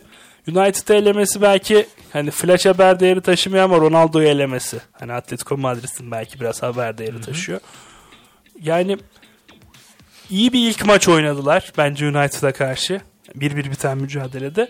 Ama ikinci maçta hani Atletico elen, eledi değil United elendi bence biraz. Ama hani ilk maç performansını düşündüğümüzde olumlu şeyler söyleyebiliriz bence Atletico Madrid adına ki o maç bence hani bir galibiyeti de hak etmişlerdi. Çünkü. Elanga'nın golü yani Ya Oblak'ı biraz Oblak'ın hatası, Oblak'ın da düşüşü hani yakın tarihte görmediğimiz bir Evet düşüş. kesinlikle. Ya, Yani bu arada bir Atletico. Madrid'i de çok düşürdüğünü düşünüyorum. Atletico. Madrid de bence çok düşürdü. Ya açık ara dünyadaki en iyi kalecilerden biriydi. Ben Hatta en iyi olduğunu düşünüyordum Evet. bir dönem ama şu an mesela değil Şu an bence. hayır. Donnarumma da mesela o çıkışı yapmıştı. Ama Bence Benzema Donnarumma en yukarıya oradan. çıkmamıştı ama Çıkmamıştı ya. Yani şu an şu an bu arada kısaca en- sence şu an dünyadaki en iyi kaleci kim? düşünelim. Eduard Mendy geliyor benim aklıma vallahi. Mendy. Mendy'yi de yukarılara yazarım ama en iyisi demem herhalde ya. Ya Ersin Destanoğlu arkasından tabii. Ersin Destanoğlu. Ersin Destanoğlu da bir türlü ısınamadığım bir kaleci oldu nedense. Cidden mi? Evet nedense bir türlü Birazcık daha karakter koymasını isterim ben de biraz sahaya. Ya aslında hani aldığı çok maç var. Aldığı çok Ama- maç var. Ben sadece yani benim tek şeyim birazcık daha hani lider ruhlu bir karakter koymasını. Birazcık daha alfa olmasın orada. Hoşuma gider. Ya biraz daha yaş alması da lazım herhalde onun için. Alır alır alır. Neyse. Onun dışında Manchester City çok rahat bir Lisbon eşleşmesi City. oynadı. Ee, ilk maçın özellikle hani gelen farklı galibiyetin ardından. Ee, City bence Şampiyonlar Ligi'nin favorisi. Ee, bu sezon ben zaten başından beri söylüyorum hani artık bu sene alır diye ama ben bunu 3 senedir falan diyorum. ee, ama bence bu sene alır. Pep hocam alsın artık ya evet. Ya kolay kura değil bu arada hani Atletico Madrid gerçekten Atletico Madrid istemeyeceğim bir eşleşmeydi. Zıt bir kura gibi Şöyle ama-. Ya mesela Diego Simeone'nin hani o kilit vuracak futbolu da şu an hani son dönemde çok oynattığında oynatabildiğini de görmüyoruz ama ben mesela United'ın Manchester ikinci maçında ya, ya ama işte abi United'ı kitlemekle evet tabii ya City'yi herhangi bir şekilde kitlemek şu an şey değil ki. e, ben ama şunu göreceğimizi düşünüyorum. Başarılı olurlar mı olmazlar mı bilemiyorum ama bu eşleşmede hani o birkaç yıl önceki Simeone e, bence geri dönecek. Hani o prime dönem Atletico Madrid'in Simeone'sini bence göreceğiz. E, zor bir eşleşme, yıpratıcı bir eşleşme. Yani hangi taraf kazanırsa kazansın bence yıpranarak çıkacak yarı finale. Ee, Şunu Premier Lig'de de hani evet. farkın Premier kapanması. Lig'de fark şu an bir puanda değil mi? Hatta? Aynen, aha. Ve Liverpool'da Benfica ile eşleşti ki o kolay bir kura gibi gözüküyor. yani kağıt En üstünde öyle City ama Atletico'ya göre tabii ki. yıpratıcılığı açısından özellikle. O yüzden Ee, bu Premier Lig'deki e, şampiyonluk yarışına da bence de. bayağı etkileyecek bir eşleşme gibi gözüküyor. E, kesinlikle katılıyorum ama hani City'nin avantajı da işte Liverpool'a göre biraz daha fazla rotasyon yapabilmeleri oluyor. İşte mesela o noktada Luis Diaz transferi bence çok kıymetli. Bence de. Ee, Liverpool Benfica'ya geçmiş olalım oradan da. Ee, yani kötü kura değil. Çeyrekte Benfica'yı istersin tabii ki Bence ama de. hani Ajax'ı saf dışı bırakmış bir Benfica olduğunu da unutmamak lazım. Ben şaşırdım ona. Ben Ajax'ın geçeceğini Ben de. Ajax'ın geçeceğini düşünüyordum ama mesela benim son 16'da e, en merakla beklediğim eşleşmelerden biriydi. Benim de. Darwin Nunez inanılmaz bir durumda. E, kesin Premier Lig yaptı bence sene sonu. Big Six mi olur? West Ham istiyor diyorlar ama hani bilmiyorum. Yeni Big Six. E, ama yani Premier Lig yaptı gibi bence sene sonu astronomik bir bedel karşılığında. Yani bak tehlikeli bir takım gerçekten Benfica ama hani ben Liverpool'un ağırlık koyma ihtimalinde hiç düşük olduğunu düşünmüyorum ama şunu Liverpool söyleyeyim. Rahat ardını koyar. ya. Ee, yani bir şerh düşeyim orada. Ee, Liverpool'un Inter rövanşı hani biz 2-0'a o ikisi- ilk yarıda ilk maçta 2-0 skoru aldıktan sonra hani çok zorlanmaz dedik ama yani Zorlanıyor. biraz zorlandı bence Liverpool rövanş maçında. Alexis kırmızı görmese Yani ya başka bir şey konuşuyor olabilirdik şu bence de. Ki o şey ilk maçta da zaten 2-0 bayağı şansa ya yani geç aldı. geç aldılar. Fiziksel olarak diri Fiziksel kalarak olarak aldı. diri kalarak aldılar. Yani Premier Lig farkını birazcık konuşturdular orada. Ki yani de- Liverpool o konuda kendi liginde de Liverpool zaten aynen fark ama yani Liverpool daha çok kendi mentalitesini konuşturdu orada. Peki son 16'nın açık ara en keyifli eşleşmesi e, Real Villarreal Madrid mi? Hayır. Bayern Villarreal de çok eğlenceli olur. O, o son Ama- 8. Son 16 için konuşuyorum. Son 16'da Paris Real Madrid bence en Ha, keyifli son 16'yı, eşleşmeydi. Tamam. Aha. Yani Benzema e, saygılar abi dedirtti herkese. Ya Benzema saygılar abi Saint Germain'de. Ben Saint Germain'den bütün sezon boyunca hani pusuya yatıp beklediğim patlamayı gördüm. Yani o meltdown denilir ya. Bekliyordum sadece zaten önde oldukları bir maçta beklemiyordum. Ya inanılmazdı abi. Yani, Yani Benzema bambaşka bir şey. Benzema çok büyük topçu. Bunu Florentino Perez zaten bir açıklaması vardı birkaç sene önce. Şey demişti. Bana sürekli her sene iyi bir santrafor alsana, sürekli santrafor alsana diyorsunuz ama bence dünyadaki en iyi santrafor zaten bu takımda demişti. Ve Ronaldo'nun gitmesiyle değeri çok daha net bir şekilde ortaya Ki çıktı. bence Ronaldo döneminde de sadece hani yine çok kıymetliydi. Sadece öne çıkan oyuncu değildi. Şu an hani bir de oradaki öncü figür oldu Benzema. Şu an Ramos'un öyle oldu. Ronaldo etkisi var. döneminde bayağı geride kalıyordu ve hatta çoğu Real taraftar falan da onun gitmesini Ya istiyordu. bence yani. mesela Ronaldo'nun birlikte oynayabileceği en nadir iyi santraforlardan santrafor. biri. Hiç bencil de değil yani. Kesinlikle Bütün, abi. bir santrafor oralar, olarak ne yapmak istersin mesela? Ya işte Hani net bak, tek tek acayip cevap. bir golcülük refleksi olup hani Değil ona mi? sahip Evet. olup ona rağmen yerinde Ona rağmen bir benden oyuncu. daha iyi bir golcü var deyip hani hiç İnanılmaz. ego yapmadan Yani. yapmak çok büyük. çok saygı duyuyorum. Çok Bu arada büyük. Luka Modric'e de bence bir Luka Modric. lazım. Müthiş bir Modric maç ayrı bir adam ya. Gerçekten Goldeki çok iyi pası-. Goldeki koşusu İnanılmaz. Yani hani işte Real Madrid bu yaşa gelmiş olmalarına rağmen neden Benzema ve Modric'ten bir türlü vazgeçmiyor sorusunun da cevabı oldu bence. Hani bu Paris eşleşmesinin ikinci maçı. Ee, Chelsea ile eşleşti Real Madrid'de. Chelsea'de temsilcilerimizin Burak ve Zeki'nin e, forma giydiği Lille elemeyi başardı. Burak Burak'ın Yılmaz da bir penaltıdan gol atmıştı. Aynen öyle. Karşı. Ee, ben Chelsea'deki karışıklıkları da göz önünde bulundurduğumuzda e, Real Madrid'den çok moralli geldiğini düşünürsek Real Madrid'i burada bir adım önde gördüğümü Ben söyleyebilirim. de öyle görüyorum. Şu bilgiyi de verelim. Hiçbir maçta şu ana kadar yanılmıyorsam Chelsea, şey Real Madrid Chelsea yenebilmiş değil. şu ana kadar tarihinde Real Madrid hiç Chelsea yenememiş. Böyle bir Ee, bilgi de var ama ya Chelsea'nin şu anki olduğu durum düşünülürse Benzema burada hold my drink diyebilir.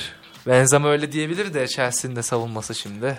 Yani Tuval yönetiminde hani ben dediğim gibi Chelsea zaten son şampiyon abi. Evet. Yani en basitinden ama Ki o yolda da Real Madrid'i yendiler. aynen.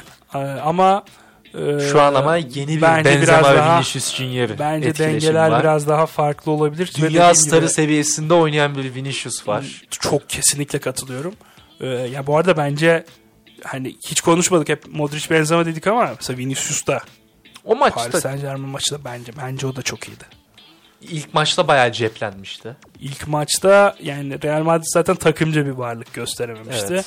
Tek umut, gol umudu Vinicius gibiydi. Daha doğrusu hücum umudu diyelim. Yani Galatasaray'ın kötü oynadığı maçlardaki Kerem gibi bir beklentisi vardı bence. Ama yani Vinicius hiç etkili olamadı o maçta. Saint Germain Real Madrid üzerinden çok geçti gerçekten de Saint Germain asla bir büyük kulüp olamayacağını neredeyse göstermiş oldu benim için. Yani Yani, gerçekten inanılmaz abi.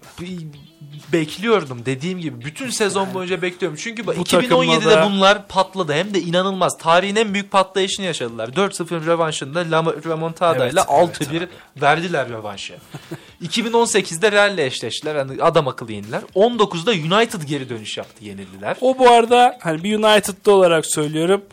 Çok o eşleşme yenildi. bal yani tamam. El, e, kimin ev- Kim Pembe'nin eline mi gelmişti şutlar? o eşleşme- çok çok çok şanslı biz, da. hani Abi United'ın fark iki etmez. Sen maçta da bunu çok iki kötü oynadığını mı? düşünüyorum. Tamam fark etmez ama bunu iki ma- yani iki yıl yapmış oldun sonuçta. Önde olduğun ge- geçmen gereken şeyi verdin.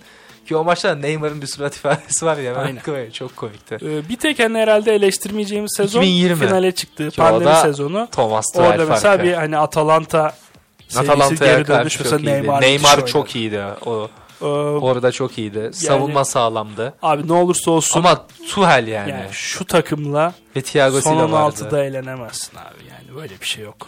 Ben vallahi son 16'ya da ya son 16'ya iyi geldiler diyeceğim. Ben son 16'da el, elenmeleri mi? Ben, son 16'da elenemezsin diyorsun ama elendikleri takım Real Madrid. Eğlenemezsin abi. Yani ben açıkçası Ya tarihin, şaşırmadım. futbol tarihinin en winner takımından söz ediyoruz. Yine de eğlenemezsin. Ya ben eleneceklerini düşünüyorum Real'e. İlk maçı da çok zaten şansı almışlardı. Abi bak son anda düşünebilirsin. şey yaptı. Ama hani Paris cephesinden baktığında bu takımın burada eğlenme hakkı yok abi. ha kağıt üstüne baktığın zaman Yok sezon abi, başında baktığın yani. zaman öyle izle İşte futbolunu hani ben izliyorsan ama ona yani yazar buna yazar mevzusunda değil. Bence herkese yazar gayet yani. bilmiyorum. Neyse ama Chelsea Real Madrid eşleşmesi de gerçekten Güzel eşleşme, keyifli. Güzel eşleşme. Bir baktığımız zaman küçük böyle hani bir hikaye ararsın ya oradan. Dediğim gibi hani Chelsea'nin Real Madrid'de daha önceki hiç yenilmemiş olmaya orada küçük bir hikayesi var. Güzel bence güzel. Tatlı. Artık işte Chelsea'deki karışıklıklar. Chelsea'deki karışıklıklar umarım çok etkilemez ya eşleşmeyi. Onu merak ediyorum ben. ben, de merak ediyorum. Ben Ee, onun dışında da son eşleşmede Bayern Münih, Villarreal. onu. ki ben biraz Unai Emery hocamı ben çok seviyorum. Ya hoca bu arada hadi Juventus'u ikinci maçta darmadağın Juventus'u etti.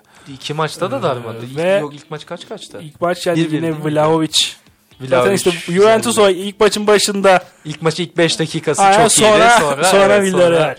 Ama ben abi ne olursa olsun. e, ben hakkı yenmiş hocalara karşı hep bir sempati duyuyorum. Bence Nagelsmann e, yani Salzburg eşleşmesinin ilk ayağı da çok istediği gibi gitmemişti. Sonra acayip bir reaksiyon.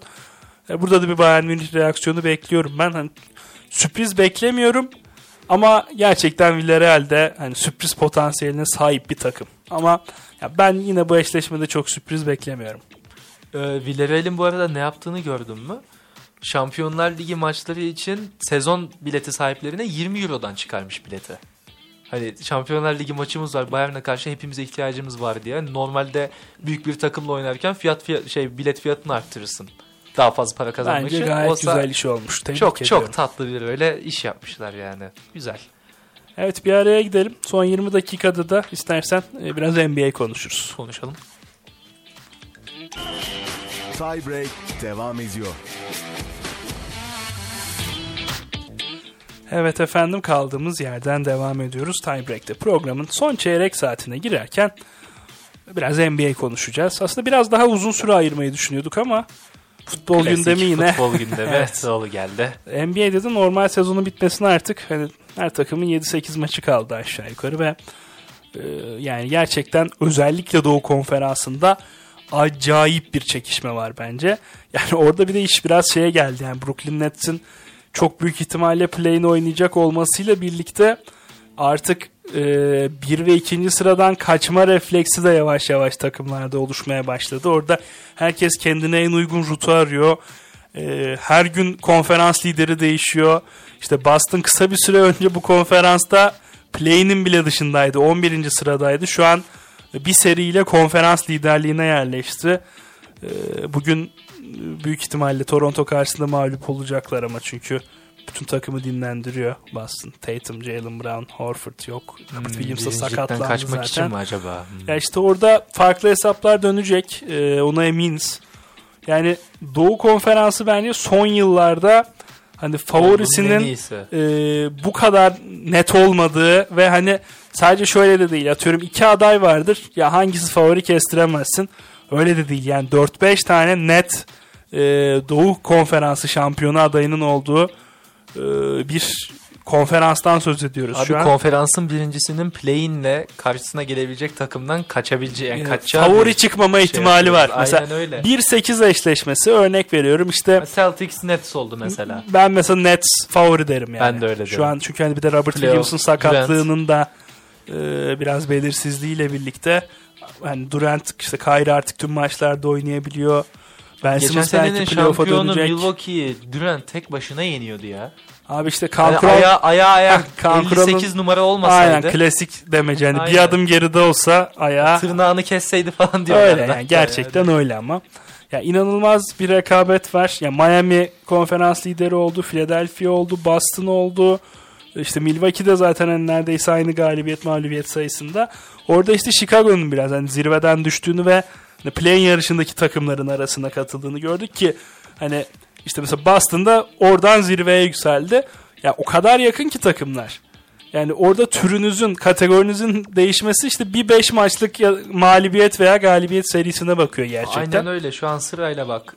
Galibiyet sayılarını sayayım sana. Tepeden aşağıya. 47, 47, 46, 46, 43, 42, 41, 39, 39. Yani Yani- İnanılmaz bir yarış. Bu birden 9'a Ee, kadar yani. Hawks da 37 galibiyette. Aynen öyle. Ya Atlanta Hawks bu sezon beklentilerinin en altında kalan takım oldu.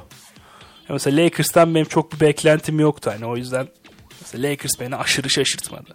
Ama ya ben e, takımın çok iyi bir yerde bitireceğini düşündüğüm için konferansı e, Nate McMillan yılın koçu olabilir gibi bir tarihsiz iddiada bulunmuştum sene başında öyle söyleyeyim. Ya ben hani konferansta böyle ilk iki sırada falan bitirme ihtimallerinin bile olduğunu düşünüyordum ama hem sakatlıklar ama sadece sakatlık bahanesine de sığınmamak lazım. Yani Capella'nın düşüşü özellikle. Ee, John Collins de bence çok çok iyi bir sezon geçirmiyor. Ee, pek planladıkları gitmediğini söyleyebiliriz Atlanta'da işlerin.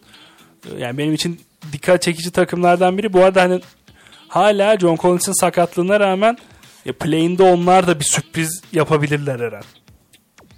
Belli olmaz gerçekten. Ya 10 Trae takımlı Young inanılmaz bir, anda. rekabet. Ee, yani mesela Charlotte Hornets da dağınık bir takım, disiplinsiz bir takım ama tehlikeli bir takım. Yani Toronto ben Toronto'nun bu arada hani burada biraz açıkçası taraflı davranacağım. Ben çok istiyorum Toronto'nun playoff yapmasını. Çünkü yani savunma potansiyelini bu takımın e, fiziksel anomalilerden dolayı inanılmaz yüksek görüyorum ve ya bu takımın playoff konsantrasyonunda rakibi özel bir önlem almışken seride e, savunma yaparken izlemek isterim. Rakip çok fark etmez. Ha bu takımı bir şöyle bir 7 maçlık bir playoff eşleşmesinde görmeyi e, basketbol savunma tarafından da özel keyif alan bir basketbol sever olarak çok çok istiyorum. Yani burada ne olursa olsun bence dışarıda kalan iki takıma yazık olacak. Orası Bence de kesin. yazık olacak. Bu arada bence Doğu Konferansı'nda asıl konuşmamız gereken takım Chicago Bulls gibi hissediyorum. Ya benim konuşmak istediğim. Çünkü sezonun bu ilk yarısında ve hatta büyük bir çoğunluğu boyunca çoğu takımdan çok daha kolay bir e, şey vardı, fikstürü vardı. Ve bunun avantajını kullandılar. Çok iyi gidiyorlardı. DeRozan falan çok iyiydi. Ama şu an DeRozan küçük bir düşüş yaşıyor yanılmıyorsam.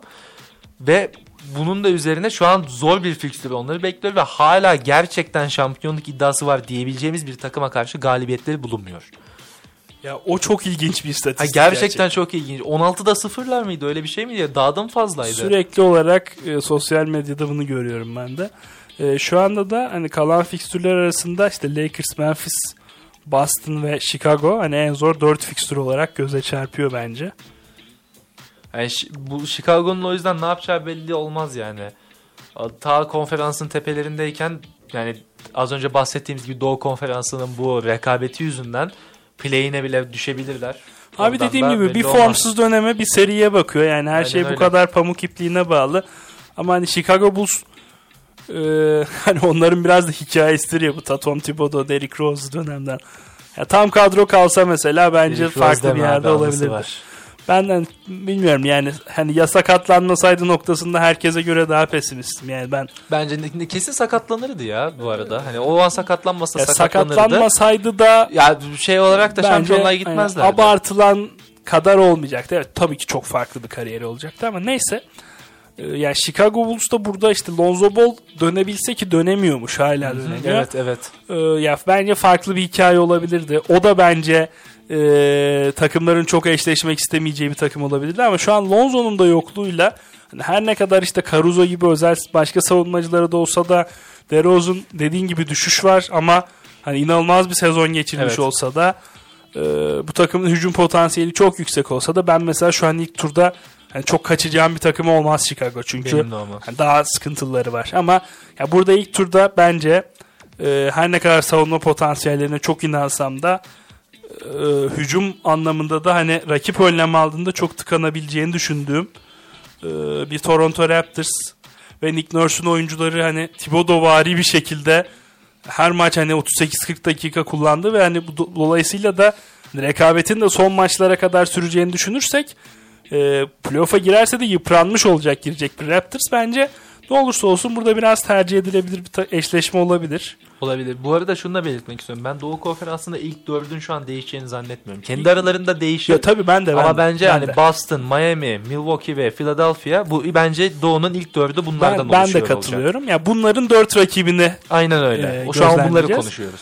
ve hani ya burada bunlardan bir tanesine Kevin Durant ve Ay- Kyrie Irving aynen gelecek. öyle. Yani o noktada Ve- da işte ya tabii bu arada hani bir anda play'inde gidebilir. Hani Yani, aa, o da maç, doğru hiç belli olmaz. tek maç çünkü ama ya işte Durant'in kötü şut atmasına bakar aslında Aynen ama öyle.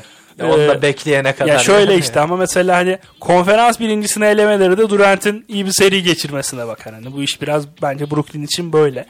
Ee, orada yine bence hani ilk turda takımların tercih edilebileceği bir opsiyon olarak ben hani Cleveland kesinlikle göze Cleveland, çarpıyor. Charlotte. Çünkü yani Charlotte'ın dağınıklığı E, bence playoff'ta başlarına bela olabilir. Cleveland'ın ben hani rüya gibi bir sezon geçirseler de özellikle hani Rubio'nun da devre dışı kalmasıyla ben hani playoff'ta e, ben tecrübe açısından çok problem yaşayacaklarını düşünüyorum. Yani çünkü orada hani ağırlığı koyacak bir koç da yok bence. Yani JB Bickerstaff iyi sezon geçiriyor falan ama ya bence mesela benim hani eşleşmeye çalışacağım takım Cleveland olurdu ama hani daha ben hani Cleveland bir şekilde play'in potasına düşer diye düşünüyorum. Gerçi bu hafta 5 Hiç maçları var. Olmaz vallahi bakalım da ya ben dediğim ben ilk dörtteki takımlardan hiçbirinin hani Brooklyn Nets dışında bir takımdan kaçmak isteyeceğini düşünmüyorum eşleşebilecekleri. Ya orada Yani- yine de bir hesap bu- kitaplar dönecek bence son Ha, maça döner kadar. tabii ki de de ben mesela kimsenin Aa, Raptors'la değil onun yerine Cavaliers'la karşılaşayım diye özel bir efor göstereceğini Ee, öyle. yok o ikisi arasında bence de mesela. olmaz ama hani Ama Brooklyn'den kaçmak Brooklyn'den kaçmak artı için bence e, yaparlar. şu da önemli konferans yarı finalinde düşünecek bence takımlar. Evet. Yani orada mesela işte Philadelphia'nın mesela Milwaukee'den sonuna kadar kaçması işte ya da mesela Milwaukee ile Brooklyn'i birbirine kırdırması veya diğer işte mesela Milwaukee için de tam Evet. tersi. Ya bence bu hesaplara girilecek. Ee, Petrali ve Eric Spoelstra severler bu hesapları. Ee, Miami cephesinde de Konak hikayemiz başlıyor. ilginç şeyler olacağını düşünüyorum. Miami'de de bu arada bir hırgür kavga dövüş. Aa evet. Ee, orada Jimmy da biraz karışıklıklar var. Poe arasında. Yani Udonis Haslem e, böyle durumlarda ağırlığını daima koyan bir isim.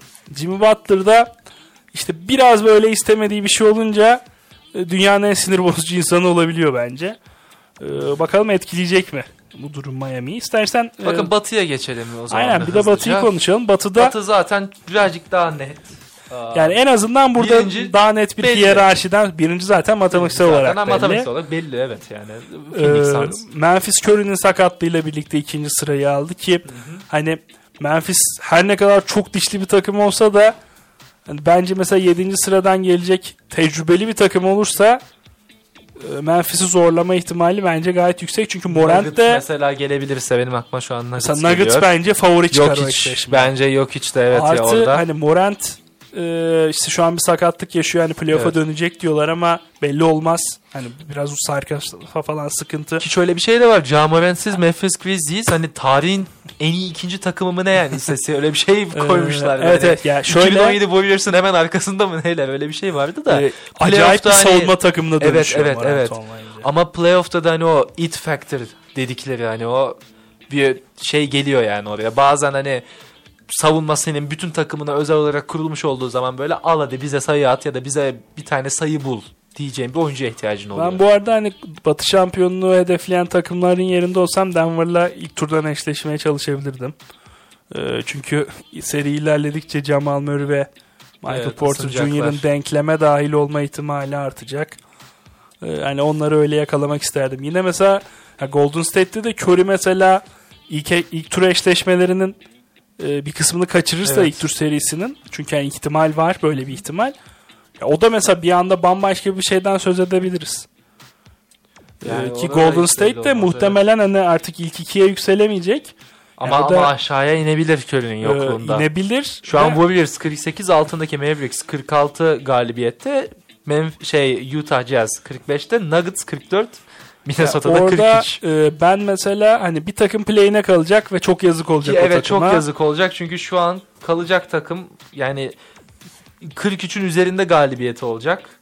Ve en son kalan takım da şu an 10. olan Lakers gibi gözüküyor ki o da Ve 31 e, galibiyet yani. Bu arada Lakers dışarıda Onun da kalabilir. dışında da kalabilir çünkü dediğin gibi en zor fikstürlerden birine sahip ve onun da hani altındaki takımlarla öyle çok bir maç e, galibiyet farkı yok yani.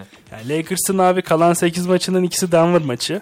Tamam yenilir onlar Hani da. bunlarda Denver ciddi oynayacak. Hani sezon Yenilir kapatmış bir takım yani, değil. evet. Hani bir Suns bir Golden State maçları var. Sansa yenilirler bence. Ee, işte burada ya da hani ya da Sans belki çok da umurumuzda değil diye. ya bırakabilir. şöyle abi işte ben mesela hani şunu düşünüyorum. Suns mesela Lakers'ı hiç bu hikayenin içine sokmayalım.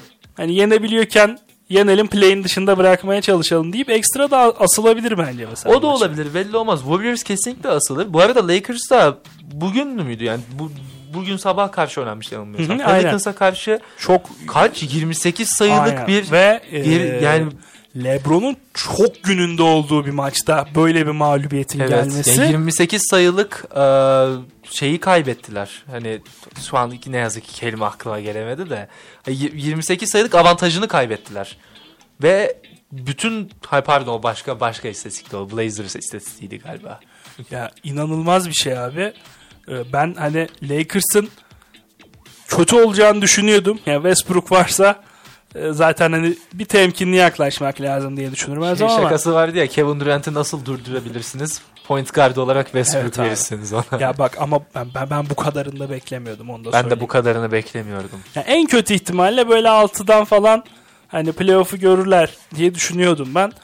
Ee, ya iş başka bir yere gitti. Westbrook'un da tek başına bu çok kadar kötü. olacağını düşünmüyordum. Yani ben o takıma uymayacağı belliydi. Çünkü geçen sezonda Lakers'ın en büyük sıkıntısı üçlüktü. Hani o floor spacing ve hani üçlük atma büyük sıkıntıydı. Hani bunu Westbrook alarak neyini çözüyorsun? Sadece daha büyütüyorsun. Ve bir de Westbrook elinde top yokken ne yapıyor? Bu sorunun cevabını hala arıyoruz. Yani bu sezonun Ve- en kötü hamlesi. Açık ara en kötü Ee, hamlesi Yani bence. sadece Westbrook'un gelişiyle de ve hani Westbrook'un NBA'deki en kötü iki kontrattan biri olmasıyla da sınırlanmıyor bu. Buddy Hield'a da Ee, hayır demeleri var. Buddy mesela. Hield, DeRozan fırsatı kaçtı. DeRozan da evet. Ee, onun dışında hani bir de bu hamleleri yapmak için hani ellerinden Kuzma, KCP Evet. ve Harold çıktı. Çünkü Hani, Westbrook kaç 50 milyon mu? Kaç kazan? 44 mü? e, 47 mi? aynen, Öyle bir şey 44 kazanıyorlar. kazanıyor ve yani şöyle bir şey var abi. KCP bence çok iyi durumda. Kuzma çok iyi bir sezon Evet, geçirdi. evet, evet. Ya onlar için çok iyi oldu bu arada. Yani Bence bence, o çok ayrılık oldu. çok hayırlı oldu onlar için. Ee, diyelim ve programımızın sonuna gelelim. Haftaya tekrar görüşmek üzere. Hoşçakalın. Sağlıkla kalın, hoşça